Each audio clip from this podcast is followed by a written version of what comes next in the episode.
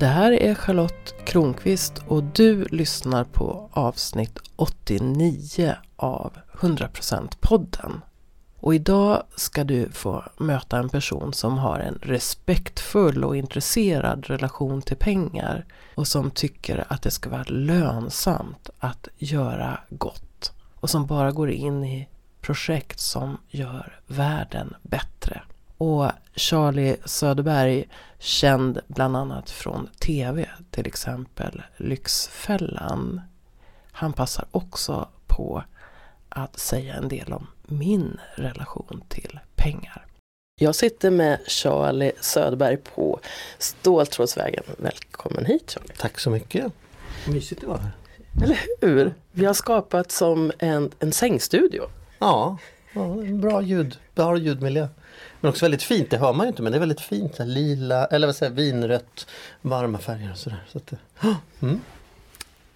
När jag mejlkonverserar med dig så står en titel där. Mm. Det står rikedomscoach. Vad gör en sån? Ja, en rikedomscoach vi är ju inte så många höll jag på att säga. Det är ju en titel som faktiskt en kvällstidning hittade på på mig en gång i tiden. Och jag blev så provocerad när jag läste den. Så att jag behöll det för att jag tyckte att det var lite roligt provocerande. Därför att båda orden är, är provocerande. Vad gör en coach då?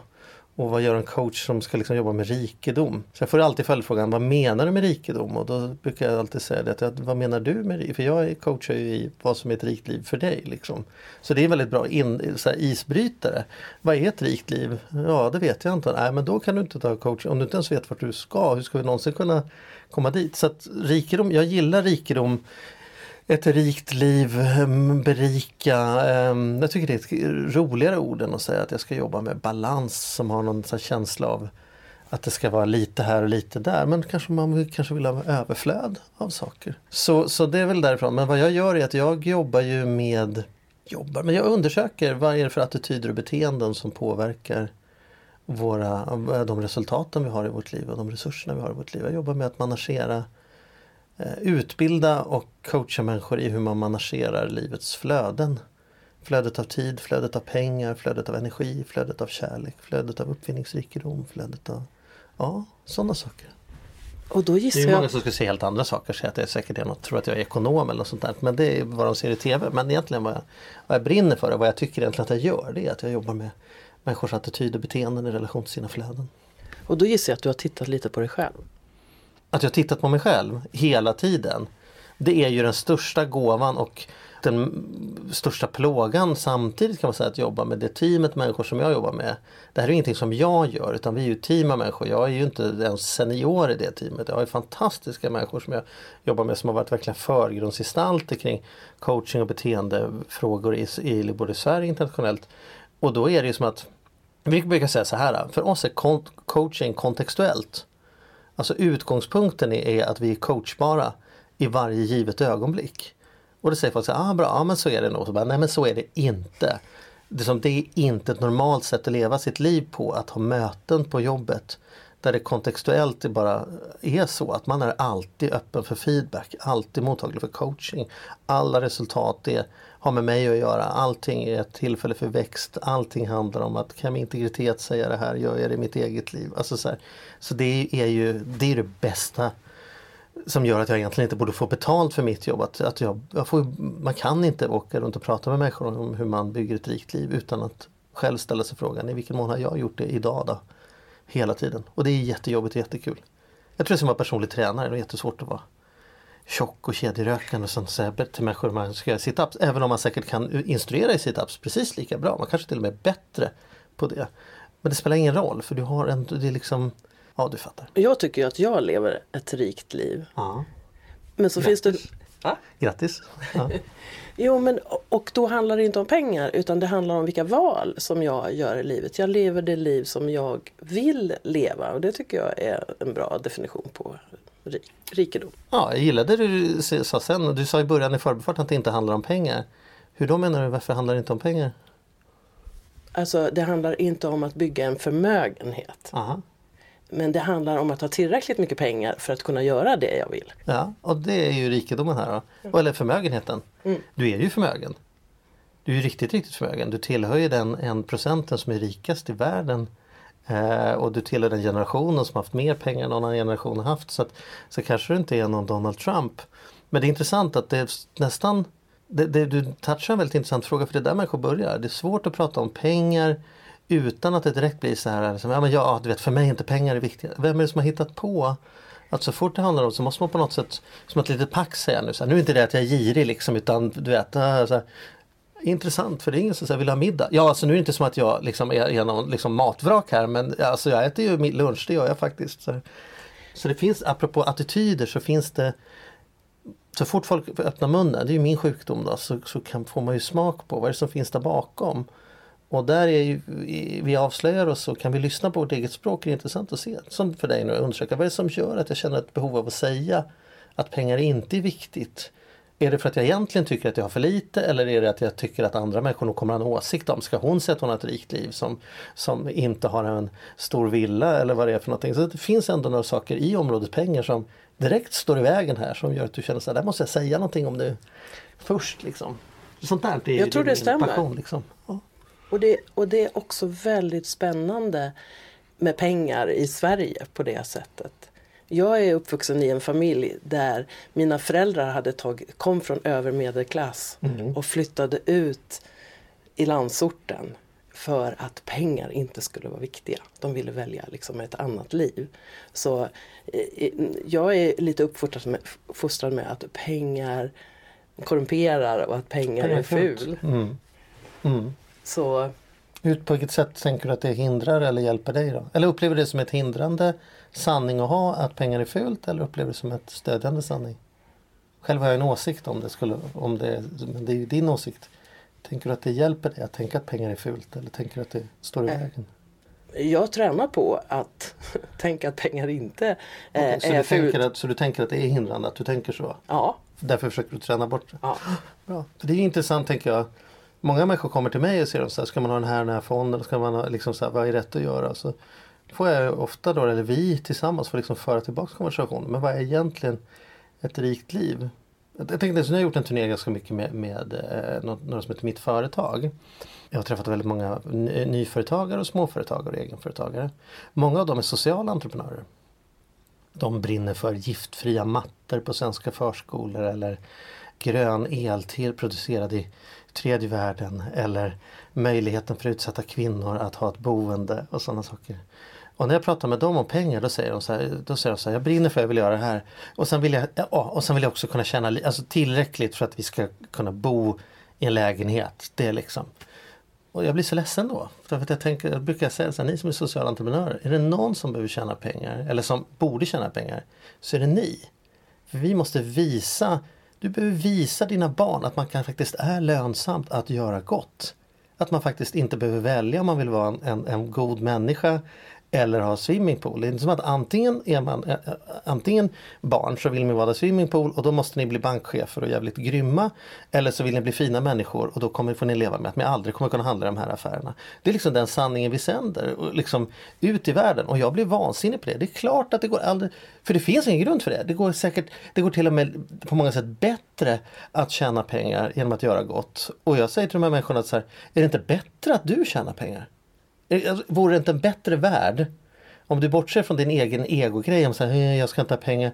Vore det inte bättre om det finns en miljon över i världen då? Det finns ju många miljoner som är runt hela tiden. Är det inte bättre att de är hos dig än att de är hos Donald Trump? Skulle de inte göra mer nytta i världen om du hade dem, kunde se till att de gör gott, kunde se till att de jobbar med välgörenhet, kunde se till att de satsar sig i hållbara projekt. Så, så liksom ur, ur ett världsförbättrarperspektiv så borde man ju verkligen vara intresserad av att bemästra området pengar inte därför att man, utan att för den sakens skull bli att så här, man säger i Bibeln, säger man att pengar är roten till allt ont. Sägs då inte i Bibeln alls, det står kärleken till pengar är roten till allt ont. Och, och, då är vi helt andra, om du har en föraktfull relation till pengar och, så kan man säga att det är, det är ont. Men att ha en kärleksfull relation till pengar också som att det handlar om pengarna i sig. Det är också ont. Men, men vad man än handlar om så tänker jag så att det går väldigt snabbt in på hur mycket pengar ska det vara liksom. Och det där är sånt jag tycker det är superintressant. Jag håller med dig mm. i vad du säger. Och jag brukar kalla mig för kärlekskrigare. Ja. Och jag jobbar med, jag gör många saker gratis för att jag tycker att det är viktigt. Ja. Men det är också för att jag inte haft jag har inte hittat vägarna till, mm, till hur man... Säg det igen bara så att jag förstår vad du säger. Här, du Jo, jag säger, jag gör, jag gör den här bloggen eh, själv Ja. utan att tjäna några pengar. Så säger någon, men du får ju fixa sponsring Mhm. för det.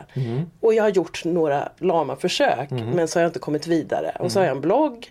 Mm, som det är massa Varför, driv, varför driver du detta då? Bara för att jag tycker om att göra det. Fast du sa, det var inte det du sa, du sa för att det var viktigt. Ja, jag tycker att de här frågorna är viktiga. Hade, de blivit, hade det hjälpt din impact om du hade haft en finansiär i projektet? Ja. Alltså jag hade, alltså i min, ska man kalla det, eh, min intention är att jag ska kunna leva på de här Mm. sakerna. Men jag har inte hittat Mm. vägen dit. Men jag tycker att man ska kunna leva fullt ut Mm. med de här grejerna jag gör. För jag märker ju att människor mår bra av Mm. att lyssna på mig och läsa mig och läsa mina böcker och så. Mm. Men hittills så, så tjänar jag pengar på andra saker. Det. Och det kan man, man kan leva på det du gör. Och en steg är precis det du undersöker. Till att börja med måste du bestämma för att pengar inte är fult. Därför att i ögonblicket du bestämmer för att pengar är roligt eller kanske till och med intressant. Då, då, då kommer du skifta din relation till affärer och då är det betydligt lättare att hitta sponsorer och annat. Därför att då blir fokuset på hur ser kärleken ut mellan dig och en sponsor? På vilket sätt bidrar de till dig? På vilket sätt bidrar du till dem? På vilket sätt kommer lyssnarna in i relation till det? Och sen ska de förstås betala också. Men om man är väldigt mycket fokus på Åh, jag gillar inte pengar men jag måste få dem. Då blir det liksom allt sponsorskapet handlar om. Men det har jag aldrig sagt. Nej. Jag sa att i min familj så fanns Ja, det en motvilja ja, mot pengar Mm. för att man såg Mm. en... Eh, om du tänker om man har vuxit upp i en miljö med stängda rum på Ja. Östermalm eller Ja. motsvarande Ja. och känner att det är stor förljugenhet i det. Ja. Då Ja. fokuserar nog de en del på att det var så att säga pengarnas fel. Ja. Så jag säger att jag har fått kämpa Mm. med det och vara stolt över de pengarna Mm. som jag gör. Jag tycker det är fantastiskt. Jag har varit egen sedan 1988 Ah, och, och har försörjt mig helt själv. Ah, grattis. Men jag tycker det var superbra att du ställde frågan på det där sättet för att det är bra att skärskåda Mm. sin egen relation till det. Så vad är din relation till pengar då? Pengar för mig är ett, jag har en lustfylld relation till pengar. Jag älskar att göra affärer överhuvudtaget. Både affärer som involverar pengar och även affärer som in- involverar andra resurser. Jag tycker att det är kul och avslappnat. Jag tänker tar de slut kommer det nya. Jag tänker att pengar är som andra områden i livet. Om man visar dem inte. Alltså, många säger till mig så här, jag vill ha mer pengar. Hur mycket pengar vill du ha? Frågar jag. Jag vill ha så mycket så att jag aldrig mer behöver bry mig om dem. Och det tänker jag, så är ju rimligt att säga om pengar. Men i andra områden ska man säga att det låter helt knäppt i skålan. Ska man säga så här, vad vill du ha? Vill du ha mer vänner? Kan man, hur många mer vänner vill du ha? Jag vill ha så många så att jag aldrig mer behöver bry mig om dem. Så många vill, men så, här, så får man ju inga vänner. Så får man inga pengar heller. Så jag, jag har inte som mål att skita i pengar. Jag har målet att jag ska ha en, en respektfull, intresserad relation. Företagarna som jag håller på med då. Nu är du företagare också men jag är ibland involverad där själva byggandet är grejen. Att liksom eh, bygga, jag tycker bygga är kul. Även om jag inte alltid ska bo i det som, jag, som byggs. Liksom. Jag som håller på och gillar själva byggandet av bolag och sådana saker. Där brukar man säga så att, att företagsbyggande det, det, är, ett- det är ett spirituellt spel i personlig utveckling. Och hur man håller koll på hur det går i matchen, det är pengarna. Så man bygger inte bolag för att tjäna pengar. Lika lite som man spelar fotboll för att göra mål. Man spelar fotboll för att springa, röra på kroppen, lagkänsla, taktik, träna. Sen så när, när det ringer som blåser i halvlek och säger så här, nu har vi kört halva. Ja, då tittar man upp på resultattavlan och säger, hur går det idag då? 2-1, ja det verkar gå bra. Då går vi ut i omklädningsrummet och pratar om varför det går bra då. Eller 1-2, ja det verkar gå sämre. Då går vi ut och pratar om vad som verkar gå sämre. Så är pengar för mig. Pengar är inget att jobba med. Pengar är ett resultat. Pengar är resultattavlan. Man blir inte bättre på fotboll för att man stirrar på tavlan. Men man vill förstås veta hur det går i matchen hela tiden. Så är, är då så att säga träning och spel viktigt? Mm, tror jag för mig. Tillsammans är viktigt. Lag är viktigt. Tillsammans är viktigt. Kul är viktigt. Växa är viktigt. Så jag, jag, jag drivs till saker där. Eh, om jag tittar på vad, vad som ska finnas för att jag ska tacka ja till ett projekt.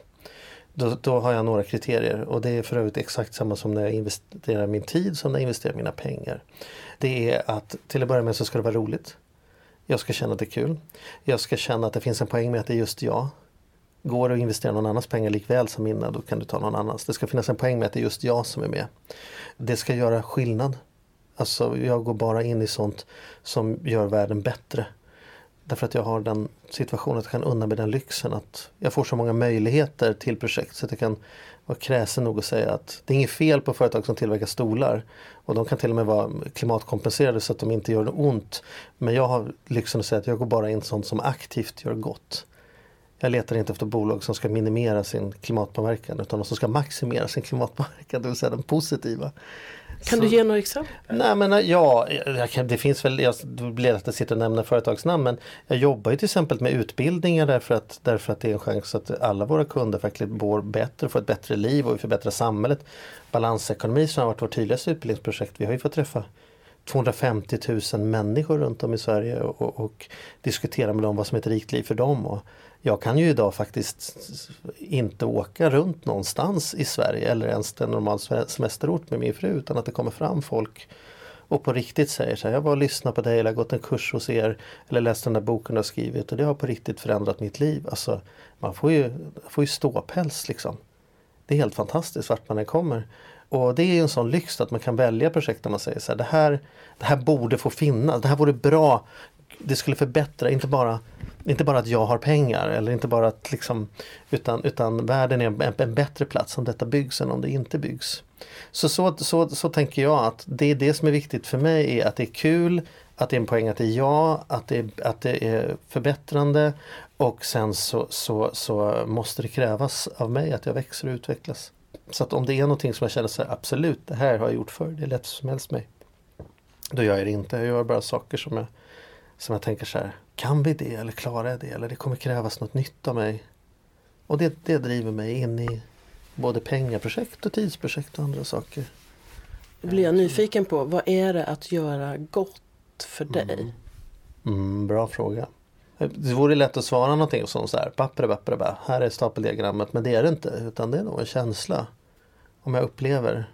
Det involverar ett projekt som, som minskar ökenspridningen i, i, i Afrika. Jag är involverad i projekt som ser till att barn kan gå i skolan i tredje världen och eh, även få möjlighet att bo någonstans när man har föräldrar som har dött i aids. Jag är involverad i projekt som gör att svenska hushåll kan småspara utan att fastna i fondträsket. Jag är involverad i projekt, alltså så här, det kan vara vad, vad, som helst. Just nu håller vi på med ett samarbete som handlar om, om möjligheten att, att uh, träna skelettet för att minska benskörhet i Sverige. Och snarare investerat i ett bolag som, som eh, jobbar med EKG mätning och sådana saker via mobilnätet på distans. Att människor som mår dåligt kan få vara hemma istället för att ligga i vårdsängar vilket minskar vårdkostnaderna.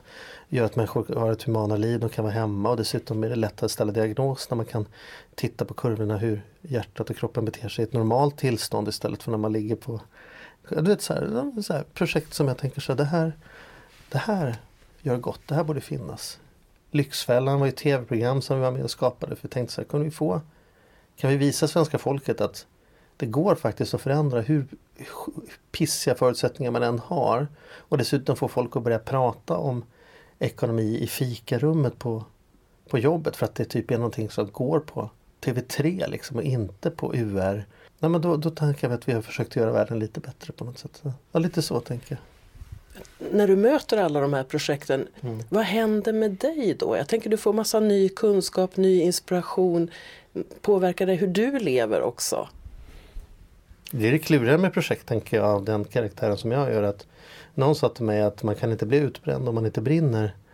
Och det är ju att jag har ju alltid projekt omkring mig som är väldigt häftiga och intressanta, krävande och ibland svåra att stänga av. Det är svårt att bara säga, ja men nu är det grillkväll och sen så sitter någon och sliter sitt hår i andra änden någonstans. Så, så kan, det kan jag uppleva att det, på, det är en påverkan. Att jag är liksom jag jobbar alltid eller jag jobbar aldrig beroende på hur man ser det. Jag tänker på sånt som jag är intresserad av och jag jobbar med sånt som jag är intresserad av att tänka på. Så att Det där hänger ihop liksom. Och hur skapar du balans? Ja, men jag har försökt då, då att, att med tiden jobba för att sudda ut gränserna mellan arbete och fritid. Istället för att, jag såg hittade en skylt en gång det står istället för att önska dig mer semester, varför inte designa ett liv du inte är sugen på att vara ledig ifrån? Och den, den sammanfattade så bra vad jag ville jag var inte intresserad av att liksom så här, ligga vid någon pool och, och kunna ge så här, Lott och Åke fingret åt chefen. Utan för mig handlade det om att ha ett liv när de säger så här, du kan få ledigt två veckor. Och tittar man kring så här, ledigt från vad då? Vad, vad ska jag ta ledigt från? Är det de fantastiska samtalen eller den goda maten eller den kärleksfulla hustrun? Eller, alltså så, här, vad, vad, så, så var min utopi liksom. Och det har jag jobbat för nu liksom, på olika sätt haft med i min vision i, i nästan 20 år. Nu sitter du och jag här och pratar om sånt här. Och nu tänker jag att det här är, skulle folk säkert kalla för jobb då för att för du har läst till journalist någon gång i tiden. Men det hade vi kunnat haft ett glas vin nu och, och suttit och pratat om detta. Och du hade lika gärna kunnat plugga till journalist och helt plötsligt så hade det inte varit jobb utan att vi bara åt en middag och diskuterade livet liksom.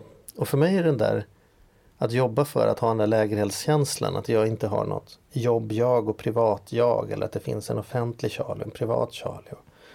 Utan bara, det försöker bara vara jag i alla möten och sånt där jag behöver vara någon annan, det är nog inte det jag ska göra. Ja, det tror jag också. Då kan man tycka att tv är konstigt att det, på sätt och vis för att tv är så utstuderat. Men det, har liksom, det tror jag har hjälpt mig att kunna vara i tv också. Att verkligen inte försöka hitta på ett en tv-Charlie liksom på något sätt. Inte. Hur lärde du dig att då vara autentisk, att vara Charlie? I det ligger en fråga, det, har du alltid kunnat vara dig själv utan en massa masker? Till att börja med tror jag det första tricket för att börja bli autentisk det är att vara autentisk med hur inautentisk man är. Alltså jag är ju inautentisk 99% av tiden och sen dyker det upp korta ögonblick av, av autenticitet. Liksom, tänker jag. Det måste man ha empati med sig själv och förstå att det är allt som oftast något ego eller identitet eller kompensationsbeteende som pågår hela tiden. Det tycker jag det tycker jag är första jobbet, att ha någon typ av empati med det som pågår. Men, men sen så tänker jag väl att när man låter det autentiska sippra upp allt oftare så är det som allting man gör ofta att man bygger ett visst självförtroende i att man kommer undan med det den här gången också. Tänker jag. Så det börjar ju med att börja öva på sånt som man tänker att man inte vågar. Och sen ser man var man hamnar. Men, men det är inte som att jag, det här är ingen resa som jag har gjort och nu återberättar för dig. Utan det här är en resa som jag är på hela tiden. Jag har kriser och funderar på vad jag ska bli när jag blir stor och vad jag egentligen brinner för och om det här är rätt sak att göra. Och om jag verkligen är på, alltså så här, jag tror att Ja, så är det för mig och jag hittar på att det är så det ska vara. Att man ska ha ett par rejäla kriser per år annars så lever jag inte livet på den nivån jag borde leva det tänker jag. Men om jag alltid har varit Nej, jag, alltså jag tror att jag har ju en väldigt det är inget smart att kopiera mig då, om man ska tänka så. För jag har en väldigt konstig utgångspunkt. Jag var fruktansvärt mobbad i skolan. Eh, fysiskt och psykiskt slagen på daglig basis i många år. Så för mig, jag har aldrig varit i riskgruppen för att bli rökare för att det var coolt. För att liksom, du vet, coolt har varit så långt ifrån min målbild. För mig var det bara, kan jag undvika stryk en dag till? Så dels ledde ju det till en del liksom beteenden som jag haft nytta av och andra som jag inte haft nytta på. Men, men att försöka förställa mig för att passa in. Jag, jag gav upp ganska tidigt på att passa in i alla fall. Och har en hög erfarenhetsnivå och därmed också toleransnivå för att kallas för idiot. De flesta människor har inte det. De flesta människor är väldigt ovana med att folk inte håller med eller tycker att de är idiot eller jag kommer ihåg det att jag, när jag, jag gjorde ett exempel förut när jag föreläste så säger folk säger så här, jag vill inte investera i mina pengar, tänk om jag förlorar dem. Jag brukar säga så här, du har inga problem att förlora dina pengar, du har bara problem med att se ut som en idiot. Om man kommer in på jobbet och säger så här, jag har precis lånat 400 000 och köpt aktier i Volvo. Då skulle folk säga så här, det låter som en idiot, alltså, vilken spekulation, hur fan ska du få tillbaka de pengarna? Vad händer om det går ner 25 Men kommer man in på jobbet och säger så här, jag köpte en ny, en ny Volvo igår, då kommer folk säga, ah, vad var det för färg? Trots att i den ena affären är man garanterad att Volvo går ner 100 000 i värde första året. Det gör ju alla bilar. Och köper aktier skulle de kunna gå ner 100 000, skulle kunna gå upp 100 000. Men man kan vara ganska säker på att åtminstone det är en sämre affär att, att köpa aktierna än att köpa bilen. Så vad är grejen då? Jo, därför att när du förlorar pengar på värdeminskning på bilen, då förlorar du pengar på samma sätt som alla andra gör. Ingen kommer säga, hur fan tänkte du egentligen? Idiot. Men när du förlorar pengar på aktieaffären, då skulle de kunna tänka det. Så jag har liksom sett att det som hindrar många människor från att autentiskt satsa nu för att få det de vill ha i framtiden är att de inte de klarar inte att se ut som en idiot. Jag fick en fråga för lite drygt tio år sedan som var Är du villig att de kommande fem åren göra det som 95% aldrig kommer att göra. För att om fem år ha det 95% aldrig kommer att ha. Jag svarade ja på den frågan då men det måste man förstå att om du är villig att göra det 95% aldrig kommer att göra. Då möter du de 95 procenten på vägen varje dag. De kommer kalla dig för en idiot för du gör varje dag saker de inte är beredda att göra. Och det har jag haft en fördel av att jag har varit så mobbad och haft sån liten förväntan på acceptans. En annan sak det var att jag för ett gäng år sedan så drabbades jag av en cysta i huvudet och trodde att jag skulle dö i cancer och sådana saker. Och det var innan Primus var född och sådär. Sen dess känner jag på något sätt att jag lever ändå på efterrättsbuffén liksom. Jag har fått ut så mycket mer av mitt liv än vad jag någonsin trodde att jag skulle få ut. Och faktum är att det hade jag inte behövt någon cancer för så var det ju även med den killen som blev mobbad i skolan. Min, min vision av hur mitt bästa variant av mitt liv skulle kunna se ut är ju inte, in, är inte på kartan av det det redan har blivit med tv och tre böcker och miljoner på kontot och resor över hela världen och skriva autograf, du vet så här, sitta här och podda med dig. Så, så, så vad är liksom, det, det är ju min hemlighet till att vara autentisk är ju att jag klev in i det här livet med väldigt få förväntningar om vare sig om att få passa in eller att få ut någonting. Men det är inget uppfostringstips jag tänker, så här gör du med dina barn. Men det, för mig har det på ett sätt och vis funkat. Tänker jag. Låter jag konstig tänker du? Nej, alltså jag tänker så här. Jag, eh, jag kom till en bruksort och mina föräldrar hade, var akademiker. Mm. Så jag var out of it. Mm. Jag var duktig i skolan och blev mobbad för det. Mm, mm. Om man ändå hade varit duktig. Jag var inte ens duktig i skolan. Så, och det man gjorde var att man frös ut. Ja. Så jag var ensam och det jag lärde mig då det var att kolla in hur folk gjorde mm. och under en tid så anpassade jag mig. Mm. Och sen upptäckte jag så att jag hade en grej som de inte hade. Och det var att jag vågade säga vad jag tyckte till vuxna. Mm. Och sen blev jag lite så här politikerämne och mm. lite mm. allt möjligt så. Men jag såg att mod var viktigt och mm. att säga det man tycker. Mm. Och då började jag också märka att det var ju massa människor som hade synpunkter på det. Mm. Men jag, jag har verkligen testat anpassning. Mm. För att det var så tråkigt att vara ensam. Men jag vet också att jag, när jag började, jag håller på mycket med kring sexualitet och relationer mm. och tantra och sådana saker. Och jag har fått mött mycket rädsla kring det och många dörrar stängda och många åsikter och så mm. om mig. Och skulle jag följa allas åsikter om det så skulle jag inte hålla på med de sakerna överhuvudtaget. Jag skulle väl inte podda och blogga och så heller. Mm. Mm. Men så känner jag så här, det är viktigare vad, jag, vad som, som finns inuti mig. Så mm. jag skiter i det. Mm. Och jag tänker så här, och det är därför som jag har designat ett liv där jag kan bo i en tvårummare och tycka att det är toppen. Jag kan åka till Indien, jag kan mm. göra dittan, dattan, dattan. För jag behöver inte vara beroende så mycket mm. utav mm. andra. Så det är en, en utav mina styrkor. Mm. Att jag kan säga fuck you. Mm. Jag gör det här som jag tycker mm. är viktigt. Mm. Och då är det ju svårt. Men mm. det är också jättemånga som tycker om mig för det. Mm. mm. Så, det är en paradox när man inte längre känner ett sånt stort behov av andras godkännande. Så får man det ju. Ja! När folk tyckte att jag var en frisk fläkt i TV så var det därför att jag var ju ganska ointresserad av huruvida de skulle tycka jag var en frisk fläkt i TV eller inte. Jag var där för att hjälpa en familj och vi gick stenhårt in i det. Och säger folk så att det, det känns så naturligt när jag gör det. Ja det är för att det är naturligt. Det är för att jag skiter högaktningsfullt i vad lördagspopcornen ska tycka om det här. Vi pratar om riktiga människors riktiga problem. Mitt enda jobb är att tänka bort kameran, inte tänka på min vinkel. Liksom. Så att, eh, ja, precis, precis så är det ju.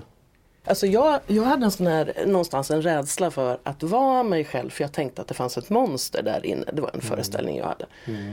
Och sen har jag upptäckt när jag är mig själv mer med hela paketet eh, så får jag, så möter jag kärlek. Ehm, alltså mycket mer än jag trodde. Jag trodde att, alltså det blev precis, precis som du säger, jag vill bara poängtera det. Det blev precis tvärt emot vad jag trodde. Det som jag var rädd skulle hända, hände um, inte och dessutom var det inte lika viktigt längre. Du som dig själv, hur vet ja. du att du är dig själv då? Hur, hur, hur, för det tänker jag, det är min resa som jag håller på med mycket, mycket nu. Jag går ju 100%, jag gör fullt ut, jag är inte rädd för vad folk ska tycka. Men jag är inte lika grundad i att veta vad, om det jag gör fullt ut och det jag och tycker, om det är innerst inne det jag vill eller var det kommer ifrån. Är, är, förstår du? Det är, min, Jag förstår. det är min fråga. Jag har hållit på i 20 år och försökt svara på frågan Vem är jag? Mm, Och idag känner jag mig trygg i mig själv. mm, Så att det är där någonstans det börjar. Alltså förut var det så här att om jag träffade dig mm, då försökte jag spela den personen som du skulle kanske eventuellt tycka om. mm. Förväntan och kopiering. Liksom. Ja. Ja. Mm, Och idag är det så här att jag är trygg i mig själv. Om du inte gillar mig så kan jag bli ledsen över det men mitt värde försvinner inte. just det. Därför har jag som en kärna i mig som är jag.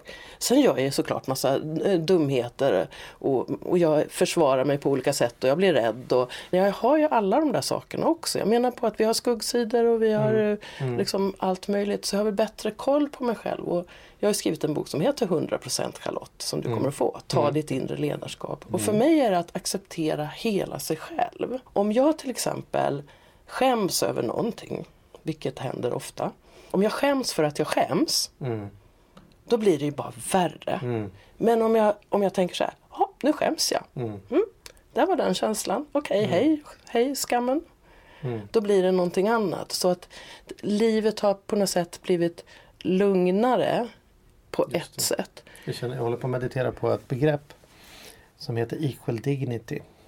Behandla alla, alla känslor som dyker upp i mig med, med jämbördig värdighet på något sätt. Liksom.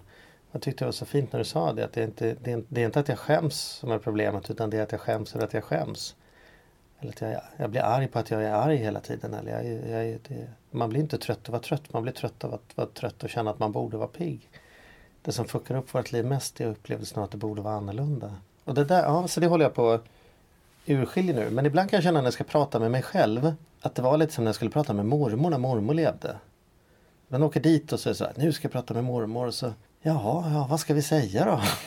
Det är kallt våren då, ja, ta en kaka till. Alltså så ibland så är det som att när jag försöker, när jag försöker hitta mig själv Apropå att liksom vara sann mot sig själv och hitta liksom så här Ja, men hitta sig själv att Jag känner mig lite tafatt när jag ska prata med mig själv Eller med min du tittar på mig som inte är klok nu Nej, nej, nej, inte alls. Ibland Utan, känns det som ett sånt ovant samtal. Jag är ju så social, jag är utåtriktad. Ja, men du vet, jag är både pajas och coach och, och, och liksom predikant. Liksom. Och så sitter jag där med mig själv och är som så här, vad, vad vill jag innerst inne? Vad, vad, vem är jag? Och då kan jag känna lite som att jag satt där med mormor. Det är mycket kärlek men vi, vi, vi vet inte riktigt liksom hur vi ska prata så vi pratar om kakorna. Liksom. Känner du igen det eller? ja, men det, det som jag tränar på då. Du börjar vifta med armarna. Nu- Ja, men jag är, engagemanget. jag är sån Nu här som viftar, viftar ja. med armarna. Ja, men det blir mer nu. Ja. Ja, jo men det är för jag går igång. Det, Ja. det är som att, att ibland så stillar jag mig och så får det liksom bubbla upp. Mm. Så att jag inte ska tvinga fram några vissa tankar eller komma på någonting smart eller så. Du är tyst tills mormor säger något. Typ, Mm. lite så. Och sen något annat som jag gör, jag har mediterat mycket. Mm. Och då har jag tränat också på att bevittna mig själv. Att jag tittar på mig själv utifrån och säger, vad håller du på med just nu? Mm. Mm. Och då kan jag också med den där attityden. Som lite så här. Ja, ibland. Har du aldrig varit med om att eh, du pratar på Ja. och sen så, så bara så här, vad är det jag säger? Ja. Och då är det som att man är vid sidan av sig själv och så tänker man så kan inte du hålla käften nu en liten? Eller vad det nu är det för är någon någonting. dömande röst här. Ja, precis. Men också att man kan stå vid sidan av sig själv och ibland kan man se, ja men gud vad du kämpar på nu, jag ser hur du kämpar på. Man kan Ja, göra det är där man, man skulle vilja ha alla de där rösterna med samma värdighet. Ja. Inte det när man kommer på sig själv med att stå och orera bara så här. Hmm. Oho.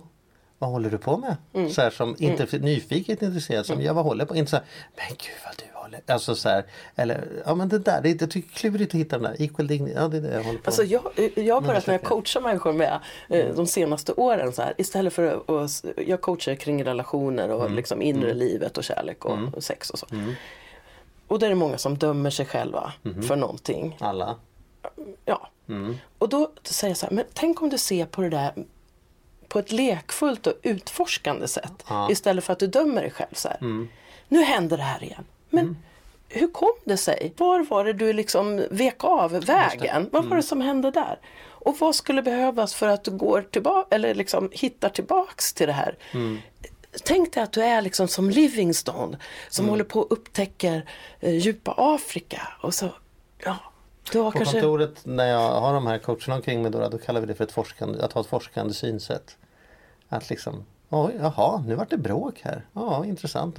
Nu är jag rädd. Jaha, var kommer det ifrån? Eller nu, nu, gick, nu gick den här affären dåligt. Intressant, vad beror det på? Att liksom lägga prestationen och dömandet åt sidan och, och mer sätta på sig den där upptäckar mössan eller den vita labbrocken och börja liksom lyfta isär sakerna. Så, här, ja, ja, det är ju för att jag sitter här borta och, och, och inte gör något. Eller jaha, det beror på att jag blev rädd för att de skulle vara arg på mig. Eller jaha, det här är projektet gav jag upp på redan för ett år sedan. Jaha, det, ja, intressant. Där ser man. Ja, ibland har jag varit, där. jag har varit inne i ledningsgrupper och lite sådär en del. Och jag, jag tycker att man ibland kan säga så här, vänta nu det är konstig stämning här inne. Ja. Kan, vi, kan vi bara titta på vad är det Ja. som det handlar om? Ja, Och då kan det ju vara något privat mellan någon eller Mm. att någon har ont i magen eller någon blev inte kallad till mötet i tid Mm. eller vad som helst. Och Om man då som pratar om det så, Mm.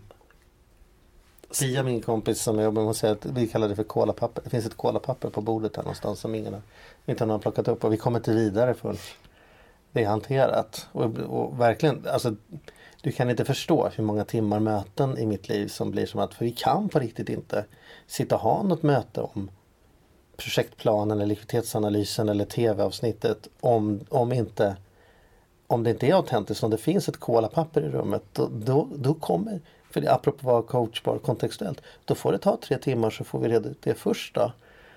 Jag hade en partner när vi skulle ha en utvecklingskonferens i måndags, fem timmar och helt plötsligt tar tre timmar och prata om saker som var o, ouppklarat i hans och min relation som vi hade samlat på oss genom åren. Och så säger jag så här, oj då kanske inte var riktigt, nu ställer du en sån fråga, men det är klart jag ska svara, men var det inte riktigt det här mötet ska handla om. Men då var det sådana fantastiska människor som ja, eller så är det precis det det här mötet ska handla om. Det, det, det, liksom, då får det handla om det, för nu, nu är det det vi har här. Och så jobbar vi vidare det och så fick vi tid att prata om det andra en del också. Men det är ändå som, apropå att leva som jag lär, det där, det där är ju ett ständigt pillande. Det är inte många som pallar det trycket liksom att jag jobbar ju med, med Mattias som jag gör podden Ekonomi på riktigt tillsammans med. Han blir så här, men gud varför ska jag hålla på gräva och ta en öl och, och njuta av dagen och sen är det väl nog med det. Jag vill inte fundera så mycket på liksom vad, vad drog du för slutsatser om livet under fosterstadiet? Alltså, så att, men jag, men jag, kan, jag gillar mer att vara den ständigt forskande, ja den där ständigt undersökande, men det är ju jobbigt. Det är jobbigt, man gråter ju mycket och skrattar väl en del också men det är, det är ju jobbigt. Men jag tror inte att jag... Ja, jag är hooked på det sättet att le, apropå 100% grejen. 50%, att leva på 50% låter ju softare på något sätt. Enklare. Men jag vet inte hur man gör det riktigt. Ibland så tänker jag så här att eh, jag läste en bok för massa år sedan som, av Susanna Tamaro som heter Gå dit hjärtat leder dig. Och då är det en gammal kvinna som är på väg att dö och som vårdas av en ung kvinna. Och då säger den, då vill den unga få lite livsvisdom och då så säger hon typ så den gamla så här att eh, jag ångrar det jag inte gjorde eh, som hon hade velat göra. Det var att gå för någon kärlek och lite så. Och lite så tänker jag med mitt liv. Att när jag tittar tillbaks så vill jag ha gjort och varit liksom det jag ville istället för det som, kan, som jag tror är andras förväntningar på mig. Och jag tror att just det där är någonting som låser många och gör, gör att många krymper. Det är rädsla att göra andra besvikna, rädsla att bli utsluten ur gruppen. Ja men det, gud vad spännande du säger det. Intressant. Ja precis. Eh, Jag, jag, jag är med och leder ett community som heter Ett rikare liv som är liksom både så podd och blogg och Facebookgrupper och grejer. Så här. Och då har vi månadsteman. Ett månadstema som vi ska ha om några månader kan jag avslöja till dig för alla andra här är risk. Och då har jag fått en fråga då som jag ska eh, skriva och, och diskutera kring. Och det är ju så här att gå på risk och att ha saker på risk. Liksom så här. Och då har jag funderat på detta. Eh, och det här är nu min spaning. i, i stort sett alla typer av beslut som jag är involverad i. Sen finns det beslut jag inte är involverad i. Om jag ska få cancer, om jorden går under, om Donald Trump trycker på knappen. Och Men beslut jag är involverad i. Och när jag målar upp worst case scenario, då, det värsta tänkbara. Vilket jag har en vana att göra. Jag och min fru gör. Och vi börjar ofta så här, så här, vad är det värsta som kan hända med det som har hänt just nu? Så har vi liksom tittat igenom det och så kan vi titta på alla bättre scenarier. Det liksom. Kanske är konstigt men det blir, har en tendens att bli så. Och då har jag kommit ner nu att det värsta scenariot för nästan allt. Om jag förlorar jobbet, om det där bolaget är konkurs, om jag inte får det där uppdraget, om mina partners inte vill ha mig längre, om min fru lämnar mig. Alltså så här, nästan alla slutar att det värsta som skulle kunna hända, det är det här. Jag sitter och jobbar i kassan på Konsum och någon kommer fram och säger så här. Är det inte du som är han vet, från Lyxfällan? Och så tänker jag så här. Det finns ju människor som jobbar på Konsum eller Coop heter det nu för det någonstans i Sverige. Som är ganska lika mig. Och för dem är det bara deras liv. Så vad är det egentligen jag har på risk? Jag har bara en enda sak på risk och det är bara prestige. Jag är, bara, jag är autentiskt inte på risk att min son inte ska få mat, att jag inte ska finnas en varm säng jag kan sova i någonstans i världen där det finns en öppen famn. Att, jag, att folk kommer vända mig ryggen så att det inte finns människor jag kan lägga en del, dela en lägereld med en sommarkväll. Eh, alltså jag, eh, de sakerna har jag inte på risk. Även om jag sliter mitt hår över en kvartalsrapport eller en riskinvestering vi gjorde där vi förlorade 4 miljoner. Så det enda jag autentiskt innerst inne har på risk är ju att sitta på Konsum och de frågar så här när jag sitter i kassan och jobbar i kassan. Är det inte du som var han som pratade om det där med ett rikt liv en gång i tiden? Och det är ganska intressant ändå hur jag springer på i hjulen där när det värsta scenariot är ju också ett ganska bra scenario. Så det, det är ju, apropå du sa att inte var rikt. det är, då tillhör jag fortfarande liksom, de fem procenten som har absolut bäst i världen ändå. Liksom. Så, så, så, det tror jag också hjälper att vara 100% om man tittar på så här, om jag backar då, om jag inte gör de där sakerna på listan, om jag inte vågar det där. Vad är det jag safear mot? Vad är, vad är det värsta som kan hända? Vi tittar på att flytta utomlands nu per år till exempel, jag och Andrea. Då är det så, ja, men tänk om det inte blir något bra då? Ja, då flyttar vi väl hem igen. Det går ju åtta flighter i veckan. Alltså, det, det, alltså Ja men du vet skola och bostad. Ja men det är ju skolplikt i Sverige. Han lär väl få gå någonstans då resten av terminen. Tänker jag. Och det, det liksom Min syster har ju ändå en bäddsoffa. Alltså så här, jag, kom, jag, jag är omhändertagen for life. Så länge jag inte börjar knarka liksom. Och det är också, gör det lite lättare då jag tror, alltså man pratar om att man ska göra modiga saker. Ett trick är ju att bara inte att urskilja vad är det egentligen jag är rädd för. Och om det inte finns något farligt då behöver jag inte ens bringa in mod. I det här fallet i mitt liv har jag ju inte så mycket farligheter. Vi, vi hjälper till i projekt i Afrika De säger så här, vad vill de ha på den här skolan? Ja, de vill ha ett staket. De säger, vad fan ska de med staket till? Därför annars sätter lejonen upp dem på lunchrasten. Okej, okay, det är risk. Det, är, det, är risk på riktigt. Vad har jag på risk med att välja elavtal? Inte ett jävla skit liksom.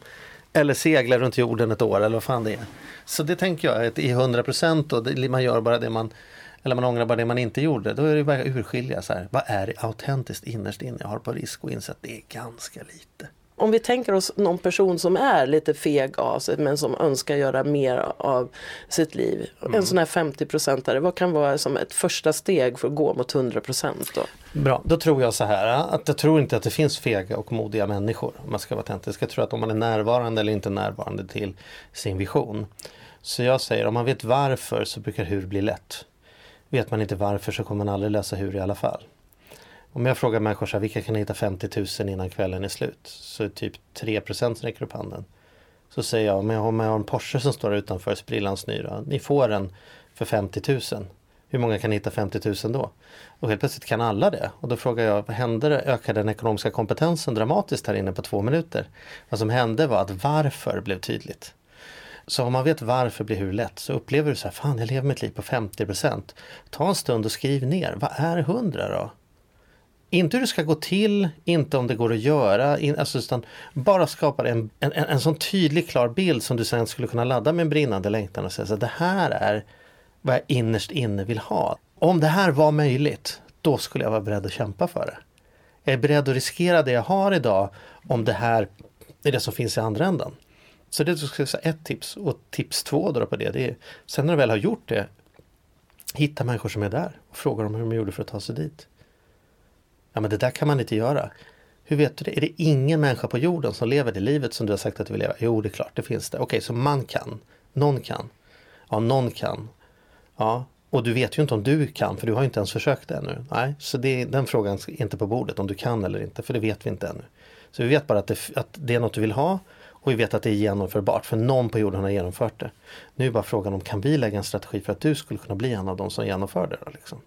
Och då tror jag där tror jag det börjar. Sen vill man ha en påverkansgrupp och man vill ha liksom, träna på uppskjuten belöning och det är massa saker. Men, men allt det där kommer ju på hur-sidan. Så innan man börjar sätta in ekonomipapperna i en perm måste man se till att den permen har en bild på utsidan som förklarar för en varför ska man öppna den överhuvudtaget. Vart är jag på väg? Varför? Liksom. Så du som lyssnar, vad är det för perm du vill ha? Och hur ser bilden ut? Tack så mycket Charlie för att du kom hit idag. Tack så mycket. Ja, hur ska du gå från 50-procentare till 100-procentare? Kanske kan du ha nytta av några av Charlie Söderbergs tips. Du lyssnar ju på 100% podden och du får gärna stödja den. Till exempel genom att swisha ett valfritt belopp till 070 322 42 42 070 322 42 42 och tipsa gärna mig om andra 100-procentare. Höstens första kurs i Stockholm i lekfull tantra sker den 22-23 september 2018. Och vill du ha en plats så är det dags att anmäla sig nu. Ha en riktigt fin midsommar.